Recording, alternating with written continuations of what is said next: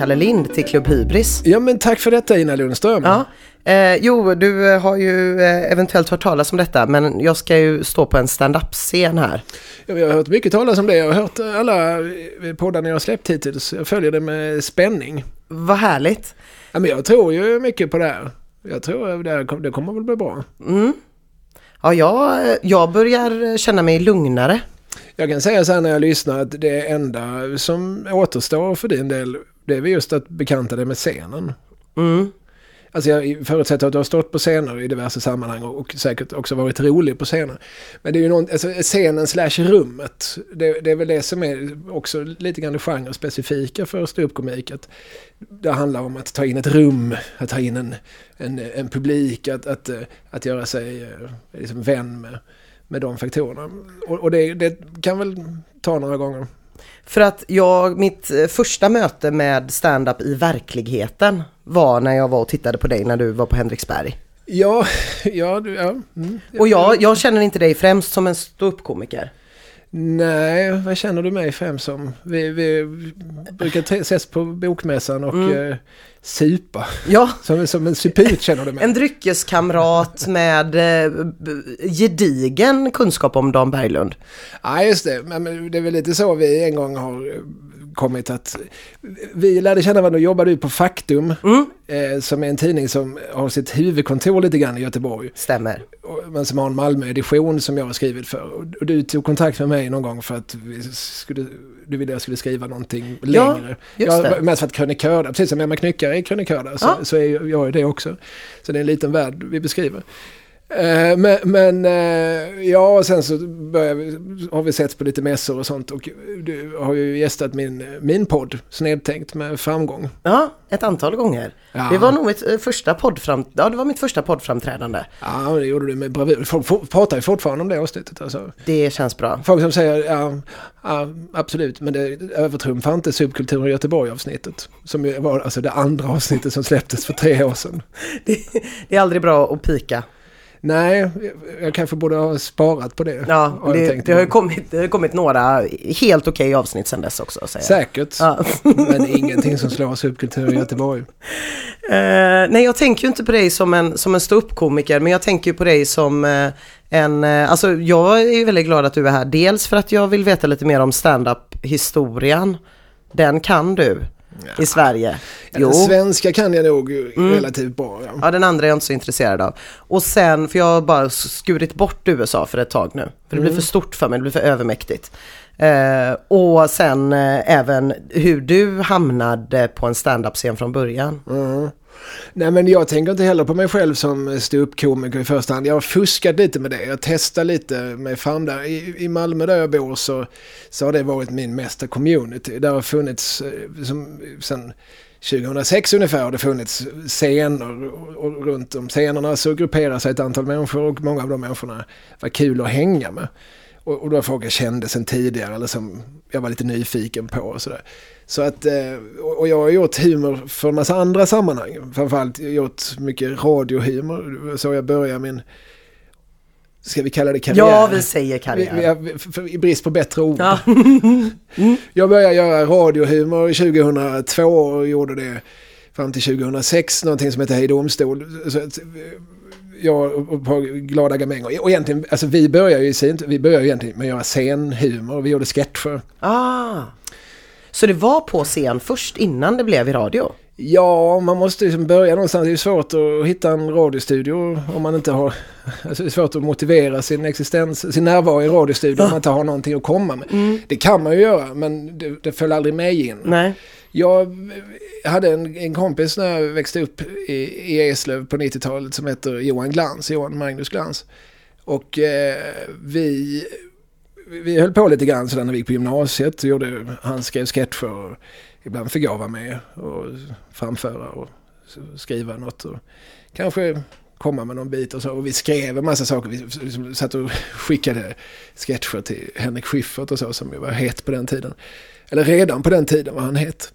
Eh, och, eller fast om möjligt hetare. Ja. Alltså han var så jävla het. Mm. Ja. Och sen så började jag glans på universitetet och då eh, kom han hem därifrån och sa att ja, men där är det som en snubbe som heter Roland. Som, han har ett, ett posse, han, han har ett, en grupp, en, ett gäng som, som de kallar sig för Korv. Och eh, tog så också in i detta. Och vi gjorde redan på 90, alltså 90, 96 var jag med första gången. Alltså det är ju 21 år Men hur sedan. gammal var du då? 21. Ja. Mm. Eh, och, och de, Ola Norén och Valle Westesson var med då. Och det var vi som sen gjorde det här i domstol. Och som, ja, jag for, fortfarande tillhör min närmsta, trängsta vänkrets. Så vi bör, och då, då var det ju sketcher vi gjorde. Vi hittade på liksom att en gubbe står i en affär och en gubbe kommer in och säger Vad är det här du har sålt till mig? Och sen så bara händer det roliga saker. Mm. ja, typ så. Men, men eh, vi, vi var liksom närde alla liksom ett genuint intresse för, att, för skoj. Vi ville liksom hitta på skoj. Hitta på eh, roliga situationer, roliga figurer, leta upp roliga kläder. Vi hade väldigt mycket tid som man kunde liksom ägna ändå. Särskilt Valle och Ola är väldigt praktiska så de kunde liksom snickra ihop vad som helst. Ja. Nu har vi hittat på en rolig sketch om Jönssonligan. Den förutsätter att vi har fem Vanheden-kostymer, en Dynamit-Harry-kostym, en Sickan-kostym samt ett kassaskåp av modell Frans Jäger. Men allt är sydde och spika dem ihop. För tiden och kunnandet fanns. Ja. Och sådär. Men ur den här lilla gruppen som då hette Komikkollektivet Korv så hamnade vi på radio. Men det var ju för att radion någonstans hade hört talas om Ja. att, att vi härjade i Malmö då. Hur härjar man, alltså rent alltså var i det fysiska rummet? Är det en scen ni härjade på? Ja, precis. Vi, Ja. vi hyrde lokaler. Ja, okej. Mindre lokaler som, som låg på Möllan där vi och alla våra, det vill säga Valles vänner, bodde. Mm. Och sen så eh, var vi ute mycket och söp och delade ut mycket flyers. Det var väldigt flyersbaserat. Det här är alltså tidigt 00-tal. Ja. Man, man hade ju liksom mejllistor. Men det var det. Och, men flyers var ju betydligt säkrare sätt att dra folk. Ja, ja visst. Och så, så blev det liksom en viss buzz. Sydsvenskan skrev lite grann och sådär. Och eh, Malmö är ju inte så, så stort och var ännu mindre då för 15 år sedan. Så när eh, några människor satt på P3 och hade fått ett uppdrag att fylla en sommar med, med något. Så nämndes, var det någon som sa det finns några som heter Korv. Mm. Jaha, va, ja okej. Så ska vi ta kontakt med dem? Ja men gör det för att de, de, de är säkert hiade. Men så, det, så då är det ändå från liksom den skrivna rekvisita-mässiga humorn som det kommer från början? Ja, jag var väldigt rädd för stand-up comedy i och med att alltså, jag hängde med Glans också och han, han ganska tidigt började. Eh, alltså jag kände att jag hade inte modet att eh, liksom, så själv. Det finns något väldigt anspråksfullt i att här ställer jag mig, jag har liksom ingenting, jag, jag har inte en knasig ett knasigt instrument, jag har inte en knasig hatt. Jag har, jag har liksom ingenting. Nej, då har man ju inte heller något att skylla på. Man kan ju inte säga så här, Nej. skämtet hade funkat om bara kassaskåpet hade varit lite mer autentiskt. Ja, Kan man inte säga. Nej, det kan man inte. Nej, men det är, det är ju ett av de absolut naknaste sätten att, att framföra någonting inför en publik. Och det är väl därför som så många människor känner sekundär skam. För det är, det är ganska vanligt att folk vittnar om det. Att, att eh, alltså det, är jobb, det är jobbigt att se någon bomba, det är jobbigt att se någon som inte riktigt vet vad de sysslar med och sådär. Eh, och, och det är ju så, det är ju väldigt naket. För det har ingenting jag menar Kurt Olsson, för att ta en Göteborgsreferens nu när vi är i Göteborg. Det var ju Lasse Brandeby, han tog på sig de här knasiga kläderna och så kammade han upp håret och så Ja. pratade han lite snabbare än vanligt. Han gjorde ju en gubbe. Men Jonas Gardell gör ju inte det. Han är ju... Alltså, det, så, du har inget som helst skydd. Nej. Du har inget filter, du har ingenting du kan, du, du, du kan rationalisera kring. Å andra sidan, när du då får, får beröm och skratt så är det du och bara du som får det. Inte kassaskåpet. Nej, precis. Nej, men faktiskt inte. Nej, men, och, och, och, om du då liksom ingår i ett kollektiv så är det ju... Ja, då delar man ju också eh, broder och systerligt på, på, på berömmet. Men när du stått där ensam och det är bara liksom, det, det var jag som var rolig. Det var, och det blev nästan ännu mer, oavsett hur inrepeterat det du säger är, men det var det är som inte texten någon berömmer. För det hade det ju varit om det var en teatermonolog. Om liksom Micke Persbrandt gjort som en, en monolog så är det ju väldigt mycket, han gör den monologen väldigt bra. Men när eh, valfri skojare, när Johan Glans fyller fan eh, liksom Malmö Live eller Batra fyller Globen. Det är han som är Mm. Som, som får skratten. Första gången du gick upp på en scen och gjorde det här, minns du det? Ja, det är klart jag minns. Och det gjorde jag, alltså, det gjorde jag 2006, då hade jag gjort radiohumor i tre och ett halvt år. Alltså flera gånger i veckan och hade liksom ganska... Dels hade jag liksom tränat upp någon sorts penna, tränat upp en komisk blick, tränat upp... Eh, också lite grann hittat hur man framför vissa saker. Alltså det kan bli kul om man säger vissa, om man säger stövlar istället för stövlar. Alltså, pos, jag ställer mig positiv till detta. Alltså, man, man, sådana saker kan man, liksom, har man väldigt mycket utrymme i radio. Det är det som är så fint med att göra radio. Man får så mycket tid på sig att testa många saker, liksom att återkomma och utveckla och sådär. Eh, så, så, det hade jag ju med mig och jag hade liksom mycket skämt, många liksom embryon till grejer och sånt där, som pater som man skrivit för radio. Som, det här kanske går att med ganska enkla medel transformera till, till scenmaterial. Ja, men hur, men vad det skrev du då innan du skulle gå upp första gången? Oh ja. Satt du hemma, liksom, för det där har jag ju gjort en gång bara försökt. Och det tycker jag är väldigt svårt, just det här, då ska vi, då ska vi skriva det här, men man, man pratar men det, inte. Du är ju journalist, alltså det är ju inte så mycket, alltså den processen är ju inte så mycket konstigare än att än att skriva en text vilken som helst. Alltså man börjar med att samla på sig någonting. Ja. Om du skriver en artikel så, så samlar du på, sig, på dig research. Mm. Eller, eller research. Uh, och, och uh, men troligtvis också lite teser, lite vinklar mm. och så. Och någonstans så går man på, på samma sätt liksom och suger på, på uh, en spa, man, det är väl någon sorts spaningar man gör och så försöker man liksom, går man sitt huvud liksom och spaltar upp lite grann. Vad, vad, vad, är kul kring detta? Vad finns det för associationer? Och sen så. Men sen, jag tror de flesta skriver, alltså, det, det, jag, tror, jag tror det finns lika många svar som det finns komiker på hur mycket de skriver. Alltså många jobbar nog bara med, med stolpar mm. och, och, andra har nog skrivit ner på liksom, kommatecken. Ah. Där, där, där, finns det ju inget rätt eller fel. Liksom. Men var gick du upp på scen första gången du gjorde stand-up? Ja, det gjorde jag på en klubb i Malmö som fortfarande finns där som heter Oslipat och som goda vänner till mig, Marcus Johansson och Fritte Fritzson, drev och driver. Eh, och den, nu har den väl allt mer professionaliserats men den, den hade ju lite rookie-karaktär ja. eh, på den tiden. Och eh, så att eh, där fanns ju det var ett ganska självklart forum. Alltså. Mm. Här, får man en slott på vad det kan vara, fem sju minuter. Hur var det? Jag... va, va, va? Blev, du, blev, du, blev du tyst? Hittade du inte ord? Ja, ja, det, det detta, detta för första gången någonsin. Ina Lundström vet inte vad hon ska säga. Jag blir nervös när vi är inne på det konkreta här med fem och sju och slott och scen och jag ser den framför mig och jag ser hur den kommer närmare mig. Men eh, det är inte min ångest nu utan eh, jo, hade du ångest? Hade du ångest Kalle? Det förutsätter jag. Ja. Det, jag, förträng, jag är väldigt bra på att förtränga mm. gammal ångest. Jag, jag hittar ständigt nya. ja, men, det, till skillnad från din musiksmak så kommer det liksom ja, in, inte bara ett ut. Alla över input.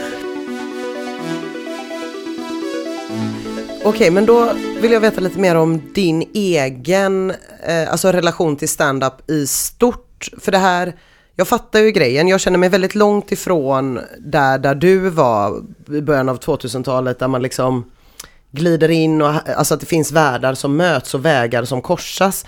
Vi pratade om det i podden, jag var på stand-up i Majerna och det var säkert 200 personer i publiken och det var inte en enda person som jag någonsin hade sett förut. Och ja, då ska man veta att jag kan inte gå Många meter, många i, meter i Majerna utan att träffa någon jag känner. Men, men det, jag hörde i det avsnittet men jag fattar inte riktigt var du hade varit. På um, um, Ett ställe som du minns mycket väl. Klubben heter Pandora. Ja. Men stället heter ju Oceanen. Ja, och vem var det som uppträdde? Uh, ja, det var ju många. Det var ju många som uppträdde. Det var ju... Var det någon du noterade? Ja, jo, men jag noterade alla. Det var Josefin Johansson uppträdde. Hon var liksom ja. huvudakten. Ja, underbar uh, människa. Ja, och Carl Stanley uppträdde. Ja, underbar människa. Och så han som är Mr Cool, sa Emma att han var. Anton Magnusson. Ja, som jag vet att det har skrivits om, men jag har aldrig eh, hört något eller sett något innan. Och sen var det ytterligare några stycken. Ja. Mm. Jag säger att Ante Magnusson också är en underbar människa. För att Ja. det känd- kändes demonstrativt om jag inte hade sagt det. Ja, nej men precis. Och, så, det, och alla hade någonting som var bra och sådär. Och det, det var egentligen inte det, utan det var väl snarare att jag kände så här, hur kan 200 människor samlas på Stigbergstorget utan att jag någonsin har sett någon av dem innan? Det var en väldigt eh, förvirrande känsla. Men så här känner jag ju när jag nu för tiden går på Oslipat, alltså den klubb som var min, min moderklubb i, den, i den mån. Eftersom jag liksom verkligen, ba, verkligen bara har fuskat så det är väl svårt att säga det så. Men, men, men eh, där är ju inga människor jag känner heller. När jag liksom cyklar till Möllevången då, jag bor fem minuters cykelväg därifrån. Och det är ju samma sak. Det är ju, eh, oj vad många människor som Ja, finns. Ja, men jag Jag tänker tänker också att att, nu ska jag träffa lite kompisar, men jag träffar de enda, jag känner ju de som står på scen. men det måste ju också varit så att det var en skillnad mellan Malmö då och Göteborg då i alla fall. För att jag kan inte ha något, jag har inget minne av att någon gick på stand-up. Nej men jag tror inte att Göteborg, Göteborg var rätt sena med att, ha den här mer liksom undergroundiga ståuppscenen. Konstigt nog med tanke på hur, roliga göteborgare anser sig vara. eh, Inte är då. nej men det är ju ett rykte som ni har varit snabba med att sprida. Det fanns någonting på Gillestugan för det som ligger Ja. nere vid Järntorget. Där, där, där fanns någon, någon sorts eh, haltande scen för där det nog också var lite så här enmans kabaréer och sånt. Men, men, men där gjordes det en del stand-up comedy. Men, men det, det minns jag när vänner till mig som satsade mer på sin stup än vad jag gjorde. Så pratade de om att Gävle var påfallande bra och i Stockholm fanns ett antal scener. Och så nämnde de, alltså Linköping fanns det någonting som höll på att puttra eller vad det var. Men de nämnde aldrig Göteborg. Aldrig. Eh, alltså för just den här, vad vi pratar om är ju liksom ah, ståuppkomik nu på en, en semi-professionell nivå. Du nämner Jossan Johansson och Carl Stanley. Det är ju två människor som det går ganska bra för. Alltså som, Jossan gör ju Doobidoo och På spåret och, och Carl Stanley har ju se- 67 000 miljoner följare på YouTube. Eh, men, men det är ju fortfarande inte de hade nog kunnat headlina liksom, men, men, men det är ju ändå liksom klubbar. Det, det, En ganska stor del av poängen är att man kan dricka öl samtidigt och att, och att det har någon sorts lite edgy, lite undergroundy eh, profil. Och det var Göteborg ganska sena med. Ja, för jag kan bara komma på typ Claes Malmberg. Så när jag, när, och fram tills väldigt nyss om någon sa stand-up så tänkte jag bara Claes Malmberg. Sen tar det väldigt mycket stopp med referenserna. Så att jag tror att, eh, och jag vet att det har varit på Gillestugan, men det fanns inte, även ifall man gick och kollade på musik och gick och kollade på massa andra grejer. Stand-up, det har haft väldigt mycket en stämpel som någonting som äldre män ägnar sig åt enbart. Ja, men det, ja, det, var det ju. Alltså, långt in på 90-talet. Sen hände ju några saker där i början av 00-talet som man brukar prata om. Men när, när en ny generation gjorde, åtminstone som en del av ståuppkomiken, lite cool på nytt. Mm. Eh, Schyffert bland annat kom in och svingade sitt magiska spö. Och eh, liksom gav det här någon sorts coolness-stämpel. Samtidigt som parlamentet började ta in Glans och Bettner och så småningom Björn Gustafsson och Soran Ismail och Petra Mede och så. Eh, de hade ju tidigare bara haft så här teatersportare, så här soppteatern, Helge Skog och Pia Johansson och så. Inget fel på dem, men, men de, de var ju tränade i en helt annan tradition. Ja, ja. Och sen så brukar man ju också nämna, jag hörde att ni, att ni pratar om det här Stockholm Live då. Just det. Som ju var liksom, liksom Grabbarna Grus show. Men, men eh, som hade det, som kom med någon sorts rock'n'roll. Och, vad som framförallt hände med Stockholm Live var väl att två av fyra var ju kurder och de eh, satt, de fick liksom förorten lite grann in till stan. Mm, mm. För att se på, på humor. Det hade nog inte riktigt hänt tidigare. Men, men vem var först, Kalle? I Sverige. För att när man pratar om, nej men det är väldigt klassiskt när man eh, pratar om till exempel hiphop, då, och man ska börja prata om svenska tidiga rappare, då kommer det alltid in någon och hävdar att Povel Ramel var egentligen först med rap. Ja, Evert Taube ju egentligen ännu tidigare. Den Jo, jo. kinesiska muren. Jo, men jag menar, Det var är- Xi Guangxi, kung av Kina, som lät bygga den kinesiska muren. det, det, det är ju skillnad mellan att prata på rim och att rappa. Ja, det är det kanske. Är det skillnad mellan att vara rolig- skatta när han gjorde jag diggar dig, jag diggar dig, jag digg, digg, diggar dig, jag digg, diggeli-digg, digg, diggar dig så smart.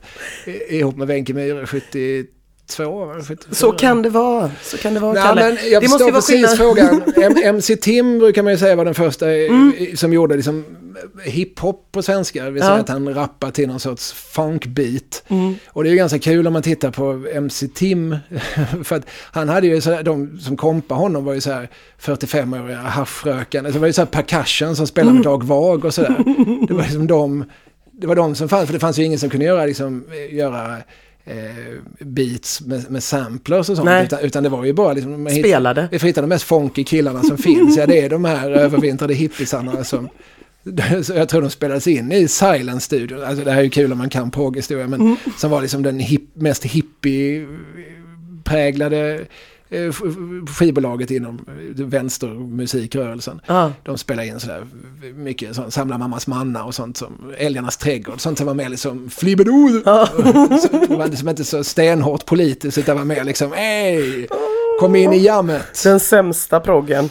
Ja, musikaliskt ja, men, Mm. men ideologiskt den kanske skönaste och mest avslappnade. Ja, väldigt avslappnad. Mm. Ideologiskt just. Mm. Bajsnödig på andra vis. Men... ehm, Men jag där börjar vem... MC Tim och den, det blir ju ingen hit och därför Nej. brukar han ju kanske bara nämna som en sorts parentes, en litet kuriosum. Ja. Men det- Vem det- är det svensk standups MC-team? Det är ju ganska intressant för det är ju ungefär samtida som, som eh, svensk hiphop tar form och svensk stand-up comedy tar form. Dock eh, kanske inte helt eh, beroende av varann. Men Sveriges MC Tim skulle man väl kanske kunna säga är Ja, men det, det är ju på 80-talet. Vi pratar andra halvan av 80-talet. Då då är det, som, det är några olika saker som, som man brukar liksom nämna som det första som sker. Dels så var det någon sorts stand-up comedy-tävling på, tror jag, Berns i Stockholm. Och så här, där debuterade, eller där gjorde åtminstone Micke Dubois en tidig, ett tidigt försök. Mm. Det var nog någon, någon eh, lirare som varit i USA och sett stand- stand-up comedy där och som tyckte det, som, det här verkar häftigt. Och de, det var mycket hecklers. Mm. Flyger sig häcklers och samtidigt tänkte de att "Ja, fast s- svenskar är inte bra på sånt. De är inte bra på att slänga käft på det sättet. Så vad gör vi då? Ja men vi ger publiken tennisbollar. Så de får liksom kasta på eh, de som står på scen så det blir liksom någon slags interaktion. Om de är dåliga så bara liksom däng tennisbollar på dem. Och, och Micke Dubois, han, han har pratat om det där att om det fanns liksom 50 människor i publiken så fick han 2000 tennisbollar på sig när han stod och försökte vara rolig. Men det var liksom ett sånt där li- litet steg mot någonting. Alltså, det var ju det här liksom, i USA och i London, i New York, i Lo- Los Angeles och i London så fanns det någonting som hette stand-up comedy och det var liksom det var eh, eller late night. Det det fanns liksom någon slags är av förbjuden, var förbjuden. Man kunde säga saker där som man inte kunde säga i mer mainstream forum. Det hade ju väldigt mycket den här ären. Och det pratades jättemycket om det här med häcklandet. Så att, som en sån, oerhört central bit i, Ja, ja. jag har varit på, jag har nog varit på stand-up comedy 300 gånger. Två, Oj. tre gånger har någon försökt häckla och, det, och alla har bara tyckt, vad, vad, vad gör du? Sluta tyst. alltså, det är inte alls någonting som är viktigt. Men, men då på 80-talet så pratades det alltid om det Ja. som, som, en, som en viktig ingrediens i st- st- ståuppmixen. Mm. Sen brukar man ibland säga att Magnus Härenstam var först. Jaha. Magnus Härenstam var, han och Brasse var i, i jag tror jag, Las Vegas faktiskt på 70-talet. Och då råkade de bara hamna på en Bill Cosby show. De hade ingen aning om vem Bill Cosby var. Han var fortfarande inte känd som eh, gynekologen eh, Cliff Huxtable och ännu mindre känd som pedofilen Bill Cosby. Utan då var han en av USAs absolut roligaste män. Och eh, tillsammans med Richard Pryor som den första svart etablerade storkomiker. Men det kände inte de till, det var ingenting som hade nått. Sverige. De råkade hamna på en show. Och Magnus Härenstam var helt hänförd av detta. Att han i en timmes tid liksom höll publiken på liksom konstant halster och tänkte, gjorde liksom en mental not. En dag ska jag. Ursäkta mig. Vad som sen hände var att Brasse fick scenskräck. Eh, Magnus och Brasse var ju ett oerhört etablerat Ja. par i tv och eh, framförallt nästan på krogscenen. De gjorde ju massor av sådana här, ja, och samt kanske men nej. Eh, Slut, I slutrepliken ur deras sketch Manuscensorerna till exempel. Nej, men men och, och- och Brasse ville inte vara med längre och då fick Magnus börja fundera på vad jag ska göra nu. Och då gjorde han någonting som han uttryckligen kallade stand-up stand-up comedy. Ja. Men det var fortfarande en- en föreställning. Den hette Föredraget, väl? Det hette inte föreläsning, den hette Föredraget. Och det var väl liksom Magnus Härenstam kom in och sen pratade Magnus Härenstam i 1.20 kanske. Och sen gick han av. Ja. Och det, exakt så hade ingenting riktigt sett ut Nej. i Sverige innan. Och det kanske är 86-87. Och vet du om folk tyckte det här var mäktigt? Den, det blev en succé, källa Magnus Härenstam. Nej men det, det blev en succé. Mm. och, jag, och jag minns att man fick se snuttar på tv och sånt där. Och, Ja. och, och jag följde sånt här med väldigt stort intresse. Då är jag alltså 11-12 år. Men jag ser världen väldigt mycket genom tvn och särskilt det som handlar om humor tycker jag är fantastiskt fascinerande. Så, så ja, men det, det blev... Men, men samtidigt var ju Magnus Härenstam en oerhört etablerad underhållare. Ja. Så det var ju inte så konstigt för en publik att ja, vi brukar gå och se Magnus och Brasse. Nu ser vi Magnus utan Brasse. Det är ingen jättestor Nej, skillnad. nej, man gick till en teaterlokal, man köpte en teaterbiljett till en föreställning som hette Föredraget. Ja. Och sen stod Magnus Härenstam och skojade i en stund. Det är inte så konstigt för den publiken. Alltså det, är inte det, som, det kan inte vara det där, oj det här, det här, Nej. det här har jag aldrig varit med om innan. Att, att en kille står och är rolig. Men när blir det det då? Alltså när blir det den andra upplevelsen? Den Ja. jag har missat? Nej men, men alltså det, just för begreppet stand-up comedy och så kommer till Sverige. Det, det brukar man då säga att det var på en klubb som heter Västermans som låg i Gamla stan. Där ett gäng, och där var väl Adde Malmberg med och där var Jonas Hallberg. Som folk kanske inte känner till längre, men han är väl spanare Spanarna, jo. P1. Ja. Men han var ju, då var han ju, på 80-talet var han ju ganska känd. Han har ju haft ett program som heter Måndagsbörsen Mm. i början på 80-talet. Där han gjorde så ironiska intervjuer med, med popband och sånt som spelar live. Eh, och sen så var det en kille som heter Bertil Goldberg, apropå progg, Mm. han som skrev låtarna till Nynningen. Jaha. Alltså sådana som eh, Säg Algots det räcker och De verkliga terroristerna. Mm. Och, och så här, olika, olika sånger om vikten av att arbetare organiserar sig och går ut i vilda strejker och eh, drömmen om en revolutionär morgondag. Ja. Han, och han var med i nyckelperson i tältprojektet och sådär. Men han var en av de som var med. Och jag tror aldrig att han stod på scen utan han var väldigt snabb med att vara eh, liksom koordinator och manager och eh, den som hade hand om pengarna. Och eh, bokningar och sånt. Så är det, är det liksom eh, ståuppvärldens motsvarighet till Latin Kings nu? Det är på? Ja men det, det skulle man nog kunna säga, eller kanske just det. Just det, ja. Mm. Eh, för det här är någonting som är mer genomtänkt. Ja men just det skulle jag säga. Just det Mm. kommer, 89 tror jag deras, eller 90 kommer deras första platta. Då, nu- då säger de nu ska vi göra hiphop på svenska. Ja. Och vi gör hiphop efter konstens alla regler, det vill säga med, med sampling Mm. och, och, och eh, beats och en DJ. Och så har vi två som rappar. Och, eh, och sådär. När Ulla-Bella gjorde sin Ulla-Bella-rap några år tidigare, eller när Svullo gjorde för Fet för ett fuck, så var det mer liksom en kul grej. Mm. Ja. Men just det var ju också en kul grej, men det var också mycket medvetet, nu ska vi göra, göra svensk hiphop. Och samma sak med, med, med Norra Brunn-gänget. Suck hette de, Stand-Up Comedy-klubben, det heter det fortfarande, själva bolaget som driver Norra Brunn. Är det i slutet av 80-talet som man vill att det ska kallas, vi har pratat om det här någon gång, rakt upp och ner. Ja, nej men... Komik. Ner komik.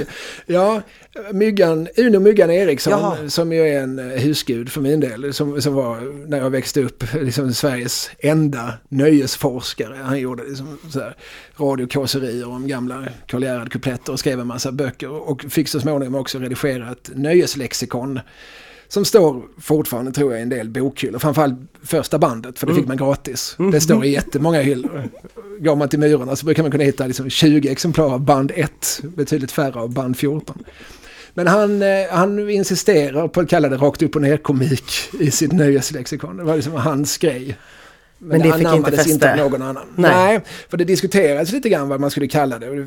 Det- är fortfarande folk som, det skulle jag säga, att somliga tycker stand-up comedy har inga problem att, att vi liksom använder engelska och andra tycker ståuppkomik. Jag glider nog själv mellan bägge. Ja, jag tycker att det är väldigt svårt att kalla det för någonting. Och det Ulla Skog föreslår ståkul. Ståkul. Mm. Mm. Med de associationer det väckte. Ja, det väcker några faktiskt. Men har det varit, liksom poli jag tänker att det varit mycket ändå underhållning i Sverige som har varit mycket mer politisk än i andra länder, även på 80-talet. Har, har stand-upen varit politisk i Sverige också? Jag kan inte komma på någonting, men jag vet ju inte så mycket Ja, om men, detta. alltså, om vi nu är där någon gång i slutet av 80-talet. Ja. Det här minns jag ju tydligt för att det här, det här fick mycket massmedial uppmärksamhet. Alltså det, här- det, det, det hade någon, någon sorts buzz kring sig. Det här är någonting spännande som händer. För vad de gör är att de går upp där under sitt eget namn och eh, pratar direkt och det kan vara ganska aggressivt och det kan, kan vara ganska grovt. Alltså sexuellt grovt och det kan vara, eh, också vara liksom politiskt, som utmanande på ett sätt. För man tänker sig in i ett medielandskap där det inte så mycket var det. Framförallt inte i, liksom i statskontrollerad radio och tv. Eh, utan det här, och det är ungefär samtidigt som Stenbeck börjar göra TV3 och så, så det är ju som någonting som händer Ja. i, i Sverige i slutet på 80-talet. Att, att vi kanske kan börja formulera oss på lite ett annat sätt än vad som har varit legio hittills och så. Eh, Så att ja, nej men det är klart att det var alltså politiskt. Alltså ja, på olika sätt. Lennon Norman var väl politiskt på sitt sätt. Han pratade om att han kallar Sten Andersson som var utrikesminister för senilministern. Det är väl politiskt. Ja. Ronny Eriksson som ju ganska snart värvades och som eh, hade ett band uppe i Piteå som hette Öskefyrat. Men som pratade så länge mellan låtarna att bandet tröttnade och tyckte att du, kan inte du göra det där. Kan inte du åka till Stockholm och, och, och prata så kan du komma upp och spela sen. Ungefär det hände. Och, eh, och han pratade ju väldigt mycket om, om EG till exempel som var hett där. Just det, och sjöng om också. Ja, precis. Nej, men hans ståuppkomik är ganska mycket samma skämt som är hans, många av hans sångtexter. Men, men eh, så att ja, det är klart att det var Gardell kom ju fram och, och, eh, och det var ju politiskt. Det var ju, alltså, För där finns det ju ändå någon slags skillnad mellan liksom släng dig i brunnen och Gardell väl? nej, Tidsmässigt. Gardell var med i Stängda i brunnen. Var han? Ja, för tusan. Men, han, men alltså, det, man ska, man ska förstå då. Och, och, och, där som först är på Västermalm som så sen hittar Norra Brunn som ligger i, som i Surbrun- Surbrunnsgatan som stockholmare hävdar att det heter. Det bör ju givetvis heta Surbrunnsgatan. Eh, Det är inte en surbrunn, det är en Nej. surbrunn Ja. med survatten i. Men skitsamma. Men De nu tror- fick vi det sagt. De tror att det heter Östgötagatan också. Det är den gatan som det bor östgötar på. Nej, där bor östgötar, alltså en östgötagata. Skitsamma. Eh, de, de, och det tror jag de flyttar in kanske 89 eller så. Men, men då, är, då bestämmer de sig för att här ska vi ha underhållning. Jag tror de har det från början sju dagar i veckan. Alltså, eller sex i alla fall. Och då börjar man liksom värva folk lite grann. Kan inte du komma hit och testa? Och då är det väldigt många människor så här som, som har som lång scenerfarenhet ändå. Alltså Lennie Norman hade ju spelat bas med sin pappa Charlie i 25 år eh, Och slängt käft med publiken på olika stökiga dansställen och sånt. Och, och eh, Ron Eriksson då hade ju haft Öskefyrat sen slutet på 70-talet, turnerat runt. Och Ulla Skog var skådis i botten. Eh, Och Finn Zetterholm, trubaduren vet jag, te- Jaha. testade där ganska mycket. Lasse Tenander också trubadur, de var också med rätt mycket i början. Mikael Segerström, skådis, var, var med och testade en hel del inledningsvis. Adde Malmberg hade gjort ganska mycket radio och eh, scenhumor ihop med Jan Sigurd under 80-talet. Och Jan Sigurd, Sigge, var också väldigt närvarande där i början.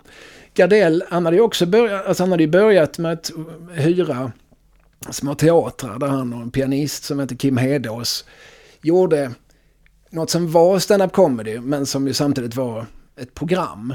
Det vill säga att Jonas drog en monolog, Kim sjöng en sång. Jonas drog en monolog, Kim sjöng en sång.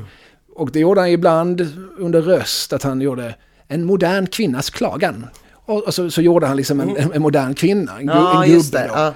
Och sen sjöng hon en sång. Men oftast var det ju att han var Gardell och pratade om ja, när han åkte till Lumba Lumba-gatorna på Gotland och hur jobbigt det är att kolla skräckfilm och sådär. Alltså det som monologer, eller som det heter i stupsammanhang då, rutiner. Men det är ju ungefär samma sak. ja. Det handlar ju väldigt mycket om, det är som olika nivåer av, är det jag eller är det en roll? Är det hittepå eller är det upplevt?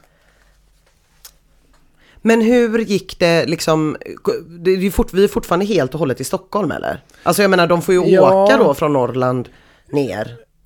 Ja, Eller från Skåne dit. Ron Eriksson fick ju sitta får åka mycket, en bit. mycket, på planet. Ja, Särskilt när han sen började snacka om nyheter från Malmö. Då blev det mycket Ja. flyga för Ronnys del. Han har många, mycket klimatknaprande på sitt samvete. Men vet du hur, eh, hur det, liksom när, när, detta sprider sig utanför Stockholm? Ja men alltså det gör det nästan på en gång. För, För att det sänds på tv eller? Ja, det, dels så började det ju som etab- alltså, Jag minns att Dabrowski, Stina Dabrowski som ju alltid hade olika lördagsunderhållningar under 80-90-talen. Hon, hon hade det som ett stående inslag, tror jag, eh, några säsonger. Nu kommer liksom en snutt från det som händer på Norra Brunn. Ah, ja, ja. Och sen så fick, alltså Slängda i brunnen började ju 90 tror jag, första säsongen.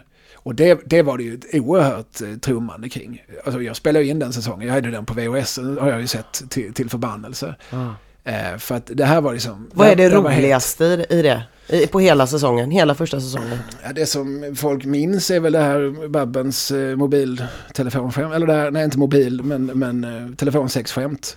Att när man väl fått upp luren så hör de inte vad man säger. Just det. Det lanserades ju då. Och Babben var nog den, hon hade ju visserligen lite skådespelarkarriär men hon hade ju varit i Gävle och sånt, ingen som vet vad som händer i Gävle. Nej. Men hon var väl den som i den generationen som var helt färsk, alltså hon som verkligen som kom från ståuppkomiken och blev en stjärna. Mm. De andra var lite, hade lite andra eh, me- mediala bakgrunder. Liksom. Ja, ja. För det, ja. Mm. Men vad Bertil Goldberg, förlåt mig. Men vad Bertil Goldberg och där SUK gjorde det var ju att de, eh, de sålde in någon sorts, eh, alltså de var ju som manager så de ringde Mm. runt till hotell och, och sa, vill ni ha, vill ni ha en kul kille, han heter Peter Wahlbeck, han kommer från Halmstad, han kan Ja. vara lite kan, kan vara lite rå, men eh, härlig Mm. ändå. Mm. Eller vad de nu, vem de nu sålde. Och framförallt började väl folk ringa till dem. För det, för det, det, här, var, ju- det, det, var, det här var stort. Det var jättestort i några år. Men dog det då? Ja, alltså, Och vems är felet att det dog? ja, det, kanske är det Killinggängets fel. Eller liksom, kanske är det mm, att någonting annat kom och kändes hetare. Mm. för en väldig massa människor. För att det blev, efter några år bara sådär, så, så fick det någon sorts eh, liksom, gubbstämpel på sig. Att det var, liksom, eh, att det var trött på Mm. något sätt. Att det, det låg liksom någon sorts tjock, kladdig tröttma över hela eh, ståuppvärlden. Och, och vissa sådana som liksom Ulla Skog som ju var en av de liksom klarast lysande stjärnorna och en av de absolut roligaste i eh, tidiga Stängda i brunnen och så. Jag tror hon slutade ganska mycket, framförallt började hon nog åka runt själv på, på ett, och hyra teatrar istället och Ja. sådär. Och, och, ehm, och det var väl väldigt mycket Lenny Norman som höll liv i detta och ja, det som hålls, hålls vid liv av Lenny Norman, det känns väl aldrig så, så jättehipp liksom. Men det gick ju bra som fan för honom och Claes Malmberg under 90-talet. Alltså. Ja. Alltså de åkte runt med helikopter och gjorde grejer. Alltså de, det, de var mega, för de hade liksom någon, någon turné där de eh, satsade liksom till och med på scenografi. Så det började med att de satt uppspikade på kors och sånt där.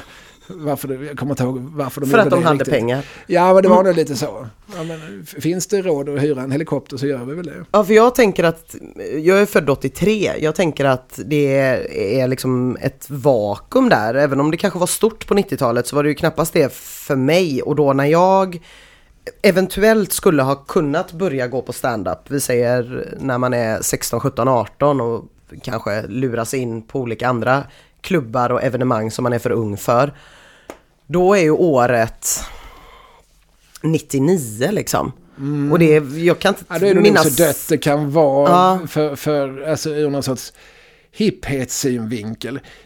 Många av de här höll ju på hela tiden. Alltså, och, och Slängda i brunnen gick ju under hela 90-talet. Det kom ju som nya säsonger hela tiden. Det var inte, och som då visar upp dels var det gamla gardet gjort sen sist, men när de hela tiden också presenterade nya ansikten. Så där fick man ju se Ali Hussein, som jag gärna ofta vill nämna, för att han, han är så orättvist bortglömd på något vis. Han var ju någon sorts pionjär, Lasse Lindroth. han, var, var en kille som, eh, som var jätte, jättestor. I, början, alltså, när kan han vara som störst? 95, 96. Mm. Eh, han drog skämt som vi idag, alltså, han hade ju saxat dem ur, ur, Allers liksom, men han, han kom med någon sorts förortsprofil. Var ju, han var ju adopterad, han hette Lasse Lindroth, men han kallar sig Ali Hussein. Mm. Och, men han, han drog väldigt mycket också som en sorts, som, eh, vad ska vi kalla det, som andra generationens invandrare, förorts Mm. utanförskapsområden. Eh, som, som ingen gjort tidigare och, och, och pratade om liksom, rasism, integration på ett sätt som, som ingen gjort riktigt på svenska scener tidigare. Där man kanske på sin höjd dratt något sånt, eh, jag ska mörka dig skämt. Ah. Men, han, men det var ju ändå liksom utgångspunkten. Sen drog han liksom, det var ju liksom taskiga gamla... Alltså hemma hos mig i Rinkeby, vi bor alltså 42 olika nationer i min lägenhet. Alltså, det var ju den sortens skämt. Ah. Men, men, men eh, det kändes, folk uppfattade att han ändå liksom pratade ur någon sorts egen erfarenhet. Och han, det var ju mycket tack vare honom som han, Batra fick sin, tog sina första stapplande steg. Han följde med honom som support på Sverige-turné och så. Och han, och jag minns en intervju med honom i Slits, nu var han nog mytoman den här Lasse Lindroth, för all del, men han pratade om att han hade 800 kostymer. Och, och jag minns att intervjuaren sa, men det, måste, det är en miljon du har lagt på kostymer. Ja, så kan det nog bli. Och jag vet, Glans och Batra hängde, jag kände dem mm. en smula då, de hängde en del med honom och så här. Och, och det, var, det var mycket Stureplan och så. Så han, alltså han, det gick bra för honom under ja. några år. Och han gjorde sen Sjukan i tv med Ulf Brunberg och Björn Gustafsson. Och det är väl det dokument det som finns kvar. Det kommer jag ihåg. Ja. Mm. Sen körde han ju ihjäl sig när han var 26. Just det. Så han dog en rock'n'roll-död. Men, men han är påfallande utskriven ur historien. Mm. Man kan tycka vad man vill om det han gjorde, men han var en sorts pionjär. Mm. Och han var i princip den enda som kom fram under 90-talet och blev ett namn. Ja, för att jag eh, liksom har inget minne av det överhuvudtaget. Jag kommer ihåg liksom första gången det var någon sån här svensk humor som jag fattade så här, åh den här talar till mig. Och precis som alla andra i min generation så är väl det typ Killinggänget. Då när de kom, då var ju inte stand-up så hett. Nej, Nej, och de, de, de var ju ganska, alltså Killinggänget visar ju, pekar ju ganska mycket finger. De, de mm. höll ju på väldigt mycket liksom och, och, och någonstans markera vad som är ball och vad som inte är ball. Ja. De var ju som trendsetters och Locko hade ju då dessutom en del andra forum. Dels tidningen Pop och dels eh, krönikor i Svenskan och andra nöjesbilag och så. Där han hela tiden berättar vad som är, vad som är bra. Och det som är bra, det är, ja, det är faktiskt rätt mycket det vi gör. Och mm. det som är dåligt, ja, det är ganska mycket det andra gör. Eh, och, och, och Schiffert blev intervjuad, alltså, han måste ha varit den mest intervjuade personen i Sverige under några år där i 90-talets mitt. Och han var ju också väldigt snabb att säga vad han tyckte var dåligt. Och det, och det var ju allt som inte var eh, liksom brittiskt och amerikanskt. Och stand-up hörde dit? Ja, svensk stand-up stand gjorde ju det. Adde Malmberg ja. gjorde ju det. För det är ju väldigt många som fortfarande säger då när jag berättar om den här podden eh, de flesta jag känner befattar sig, liksom, alltså nära vänner, uppväxtkompisar och folk i min nära krets, de befattar sig inte med stand-up överhuvudtaget. För man tycker att det är liksom eh, töntigt eller ointressant eller någonting. Men om jag går lite utanför, då möter jag, då är det så här, ja men jag skulle aldrig titta på svensk stand-up. Då är, det liksom, då är man kvar i det där väldigt mycket att det amerikanska, det kan vara coolt. Men det svenska, och jag, man, det är ju inte som att man vet någon. Det är ju inte som att man säger så här, den här och den här tycker jag är så jävla dålig. Utan det är ju bara att man inte har någon koll överhuvudtaget. Ja, det där förvånar mig lite grann för, att, för det har ju hänt jättemycket under 00-talet i, i, ja. status och hur, hur det har liksom skrivits om det och, hur, och, och vilken liksom framtoning folk har. Liksom en Betnér som, som ju har liksom stor fan, fanbase av människor som tycker att här har vi liksom en sanningssägare utav Guds nåde. Eller, eller eh, och det finns ju som, de som är lite knasigare, du har mm. som Nour El Refai. Mm. Eh, du, alltså det finns ju massor med, med namn som, eh, som, som jag vi, framförallt visar. Idag finns det ju så, så oerhört mångfacetterad scen. Jag menar, det finns, du har ju kvar Adde och Babben harvar ju på. Babben ah. går det ju jättebra för. Alltså alltjämt och har väl i princip alltid gjort. Eh, Adde går det kanske upp och ner för men ja, det, han klarar nog livhanken. Mm. och, eh, men du har ju också så mycket som unga balla människor, de du nämner, så här, Anton Magnusson till exempel. Så, som idag har podden Specialisterna ihop med Simon Gärdenfors. Mm. Som ju också gör liksom, mm lite edgy serier som handlar mycket om eh, pedofili och så. Och där finns en kille som de hänger med som heter Albin Olsson och Petrina Solange som, som ju är liksom, både är liksom edgy men, men också liksom dels får vara med i lördagsunderhållning i SVT. Hon passar in i någon sorts profil där för att hon är svart, lesbisk och har ADHD och OCD. Eh, men är ju också genuint rolig. Alltså, mm. Hon är en av de roligaste människorna i Sverige just nu, liksom alla kategorier. Och, och eh, hon bjuds också in mycket till feministfestivaler och sånt där, vilket är roligt eftersom Mm. många skämt inte riktigt är politiskt korrekta. Nej för det har jag tänkt ganska mycket på. Jag har, upplever då med min ringa erfarenhet att det ändå är sådär att folk får ändå skämta om andra saker och ändå bli, alltså de, de får skämta grovt. De kan skämta grovt ena kvällen och dagen efter kan de vara med i public service på något vis. Ehm, men jag upplever att det utrymmet kräm, krymper lite. Ja, och jag tror det finns de som överväger att inte vara med i public service. Nu görs det ju en ny omgång Släng dig i brunnen. Mm. Med, medan vi pratar här så har det släppts en fyra, fem. Eh, nu är de bara en kvarts långa, det var en halvtimme på 90-talet. Men det är ju Schyffert som är exekutiv producent. Och, eh, och det är liksom en ung generation, ja, det finns ju människor där som är jämngamla med mig, men, Mm. men det är också de som är markant yngre. Eh, Marcus Berggren eller en Carl Stanley eller Ja. en Sandra Ilar eller en Elinor Svensson och så här. Hon fick nog inte vara med förresten, men det borde hon vara. Hon har tankesmedjan i P3. Mm.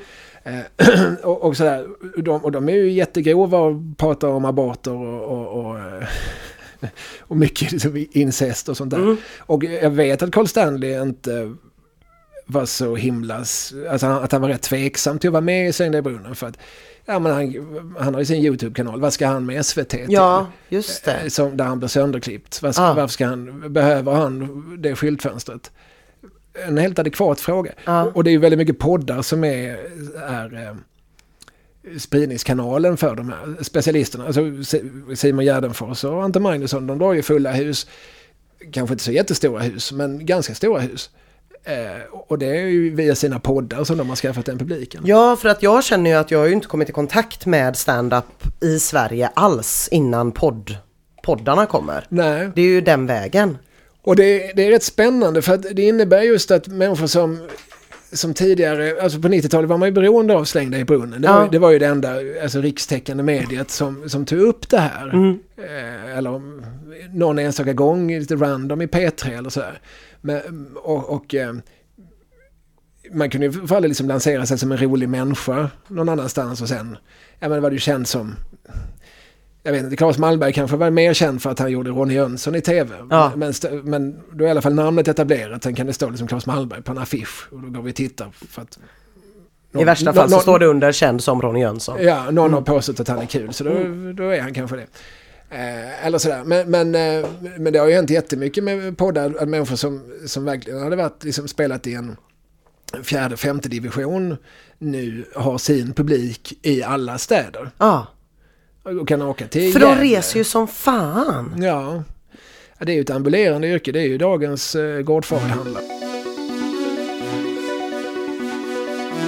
Det där är ju också ett intressant fenomen. Alltså, alla komiker, vill- man vill ju helst uppträda på klubbar för att det är ju där det är roligt. Dit kommer människor för att de vill se stand-up comedy. Mm. Men det är ju det som ger absolut minst betalt. Ja. Men däremot alltså, ska du liksom underhålla på någon läkarkonferens på Gyllene Uttern. Mm. Då, då, då, någonting som du absolut inte vill. Mm. Då kan det plötsligt bli pengar. Har du gjort sånt någon gång? Ja, Jag har gjort väldigt lite sånt. Ja. Men jag har gjort det. Ja. Eh, och och då, då får man väl såklart resa också. Men, men, men det är, ja, min erfarenhet är att det är ganska bra att bo nära. Jag, jag har en, en kompis som bor i Helsingborg. Som heter Martin Svensson. Som, som har hållit på i 25 år. Som jag, jag tror aldrig varit i tv. Shit. Och han försörjer sig och lever nog ett alldeles utmärkt liv. Och, och han har riktat in sig på mellanstora företag i nordvästskåne och i södra Halland. Så han har väl liksom en radie på 20 mil som han åker till. Och då har han nog gig tre, fyra gånger i veckan. Eh, och gör eh, mycket firmafester, mycket personalfester, mycket eh, startups, eller vad heter det, kickoffer. Ah. Eh, hålla liksom i någon, någon sorts olika former av teambuilding-verksamheter och sånt. Ja, det är ju och- och oerhört fascinerande. Det här har jag aldrig hört talas om. Och det, det, så försörjer sig ju många. Som, Mm. För det har ju lite grann att göra med vad är det man vill. Alltså är man en... Är man någon som bara liksom, eller bara, är man någon som tycker om att sprida glädje och, och, och, som kan se liksom ett, en stolthet i hantverkskunnandet. Att jag, du kan släppa ner mig med helikopter var fan som helst, inför vilken publik som helst. Jag kan läsa av den, jag vet, jag har sett att få den publiken. Jag, jag kan linda den runt mitt finger. Eh, vilket jag har all respekt för. Att man ser det som, det, det är det som är min USP, det är det som är mitt, mitt hantverk. Då, de, då, då tror jag, då kan man försörja sig. Då, för då behöver man då, då är det som inte, men, men de flesta har ju inte den hållningen. De flesta har ju mer, här har jag liksom mitt material. Mm. Och jag vill att mitt material, och, och, och som jag framför det, att det är det som ska uppskattas. Och då är det ju, liksom, då är det ju klubbar man i mycket högre grad. Då, då kan man ju inte räkna med att ställa sig på, på hos, hos någon VVS-firma i Eskilstuna och få, få skratt på sina abortskämt. Det kan man liksom inte riktigt räkna med. Eller särskilt inte om man har sådär lite mer Alltså när jag har stuppat, jag vill ju gärna liksom prata Lennart Hyland och sånt. Det kan mm. ju inte jag räkna med att, titta ut här, snittåldern är 19. Eh, det, det, det, får jag ju förstå att nej, de kommer inte att vara intresserade av Lennart Hyland. Eh, innan vi skiljs åt här så tänkte jag att jag skulle passa på när du ändå är här som ändå har gjort 40-50 grejer och framförallt sett mycket mer standup. Eh, om jag kan få några goda råd av dig vidare här. Ja, Alltså jag hatar ju att ge råd. Mm. Jag vill ju inte, hur mycket jag än gillar att mansplaina. Det gör jag inte så mycket. Jag gillar, jag gillar ju att föreläsa och dosera. Mm. Jag gillar att berätta vad jag vet. Mm. Men jag gillar inte så mycket att berätta vad andra bör göra. Faktiskt. Men jag, alltså generellt, ja, vad ska man säga? Man, man, man, måste liksom få publiken med sig. Alltså man måste få med dem, vad, vad är det jag pratar om? Vad, vad, vad, är det nu? Ja, att, att, att, man ger så mycket information att de fattar, att de liksom följer med på ens associationsresa. Väldigt många liksom hoppar över något första led känner jag ibland. Vad, vad är det han står och pratar om? Han pratar om ett tv-program. Han kanske skulle artikulerat titeln på det tv-programmet lite tydligare. Så att jag fattar. Aha, för att jag har inte sett det tv-programmet. Men jag kan vara med på de här skämten ändå kanske. Om någon bara ger mig en liten, liten vägledning och säger, har ni sett det där programmet? Är det någon som inte har sett den? Ah, Okej, okay. ah, det, det går ungefär ut på följande. Och så har, har, man liksom en lite snabb presentation, helst också den innehållande ett litet skämt eller en liten mm. knorr. Så att man kan få med sig både de som faktiskt har sett det här programmet och som har gjort kanske rent av samma spaningar. De kommer ju skratta på ett sätt, men man kan också få med de som inte eh, vet. Alltså, apropå just Lennart Hyland som jag ju då på allvar har stått ibland och pratat om på scener och så. Då får man ju, jag försöker göra någonting kul av att liksom förklara för en yngre publik alltså vad det här var för ett fenomen. Det finns ju roliga saker att säga om för att förstå, för att förstå hans, hur stor han var. Mm. Det var ju faktiskt så att det fanns ju statistik på att nativiteten sjönk i Sverige när Hyland var på tv. Alltså vattenförbrukningen sjönk. Man kunde se det för att 80-90% satt och lyssnade. Mm. Det är ju ganska kul som en sorts fakta. Och då får man med sig dem som, okej, okay, det var tydligen så det var på farfars tid. Då. Ja. Men då, då, är ni med på vad jag pratar om. Att man beskriver och, och, och liksom även försöker hitta det som någon sorts skämt på, på förutsättningarna för, för det man sen tar med publiken på. Det, det, kan jag känna ibland att, att folk eh, brister i, att, de, att man pratar lite grann som när man pratar till sina kompisar. Ja. Och det är någon slags mellanled. Man, man måste liksom... Proffs frågar. Jag, jag, tycker själv det är väldigt otrevligt, olustigt att prata med publiken. Men, men, eh, men just att bara ställa frågan, har ni sett eh, Hemma hos Parneviks? Eller vad fan det heter, jag försökte ta en modern referens. Har ni sett det? Ah, Okej, okay, men då vet ni vem Jesper Parnevik är. Ja. Hans pappa, Bosse Parnevik, han var imitatör. Ja, men så man liksom får med dem mm.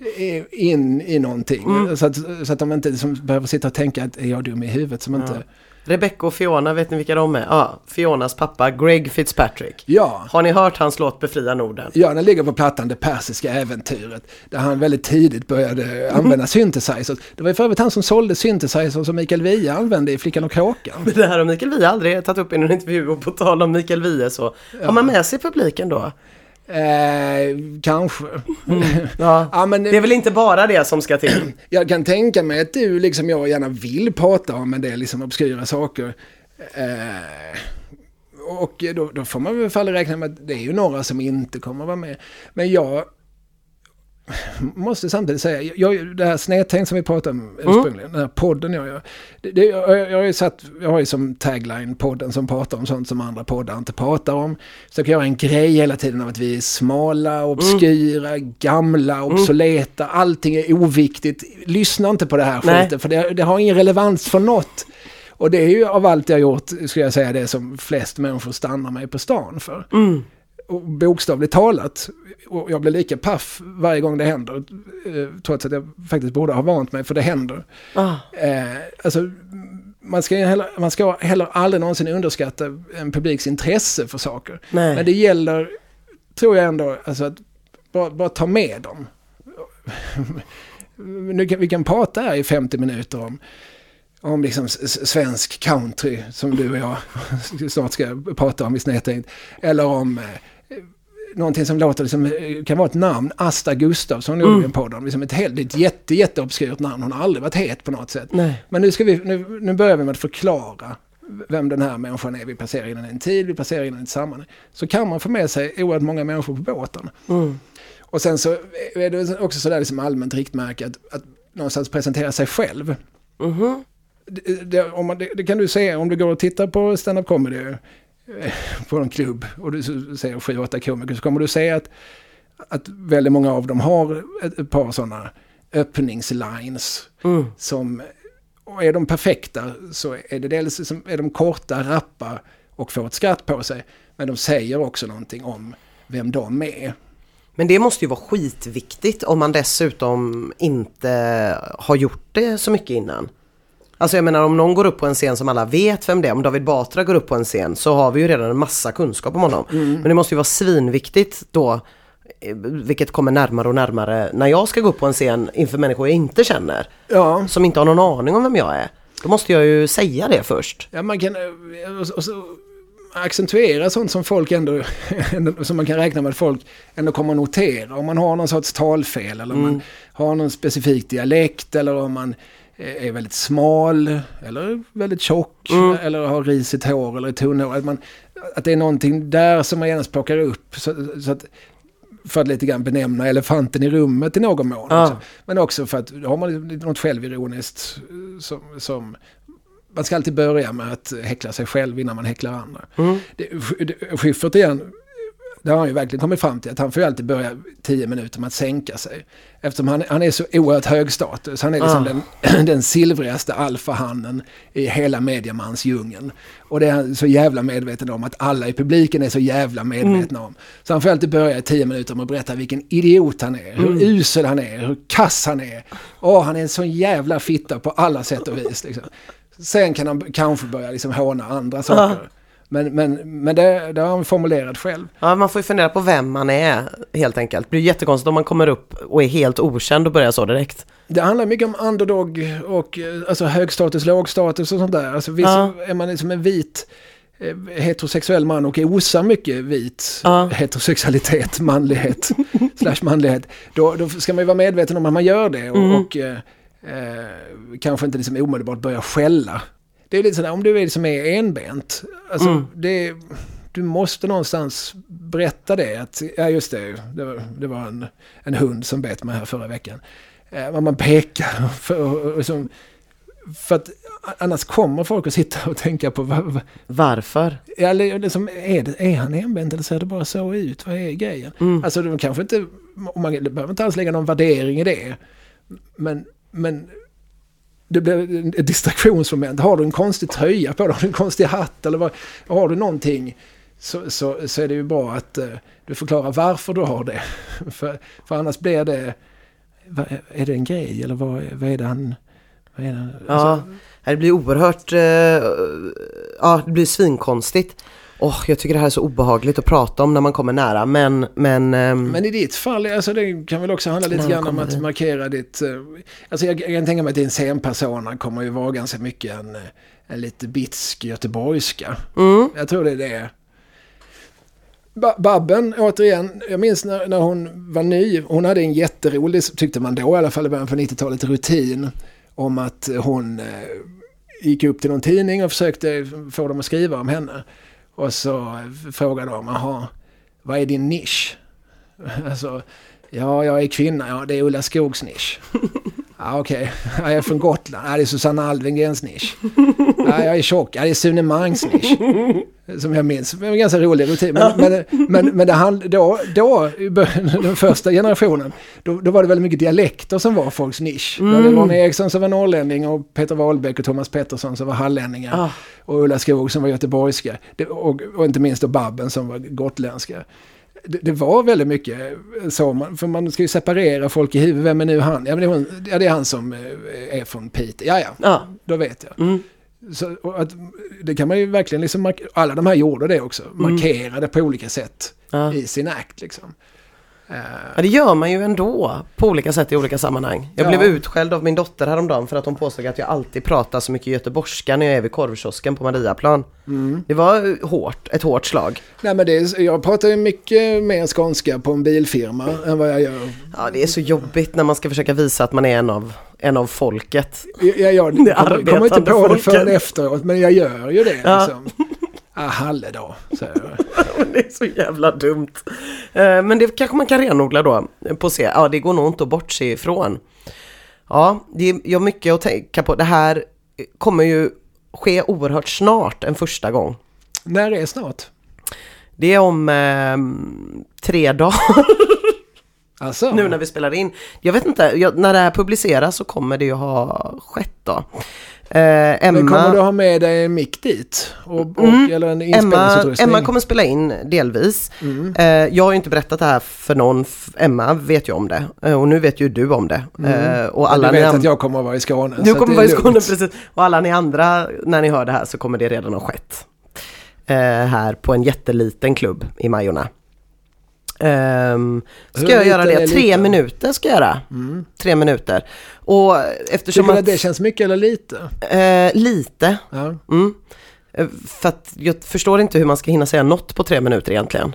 Nej. Men det, det får man ju öva det på. Det gör man ju inte. Man får, jag får ju börja med att skriva någonting och då har jag ju fått en övning av Emma som jag ska utgå ifrån. Mm. Som är en hemortsövning. En, tydligen en klassisk övning.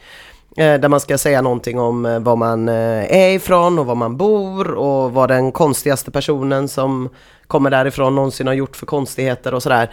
Vilket känns bekvämt. Det känns som ett, en van terräng. Ja, det bara... låter som en bra övning.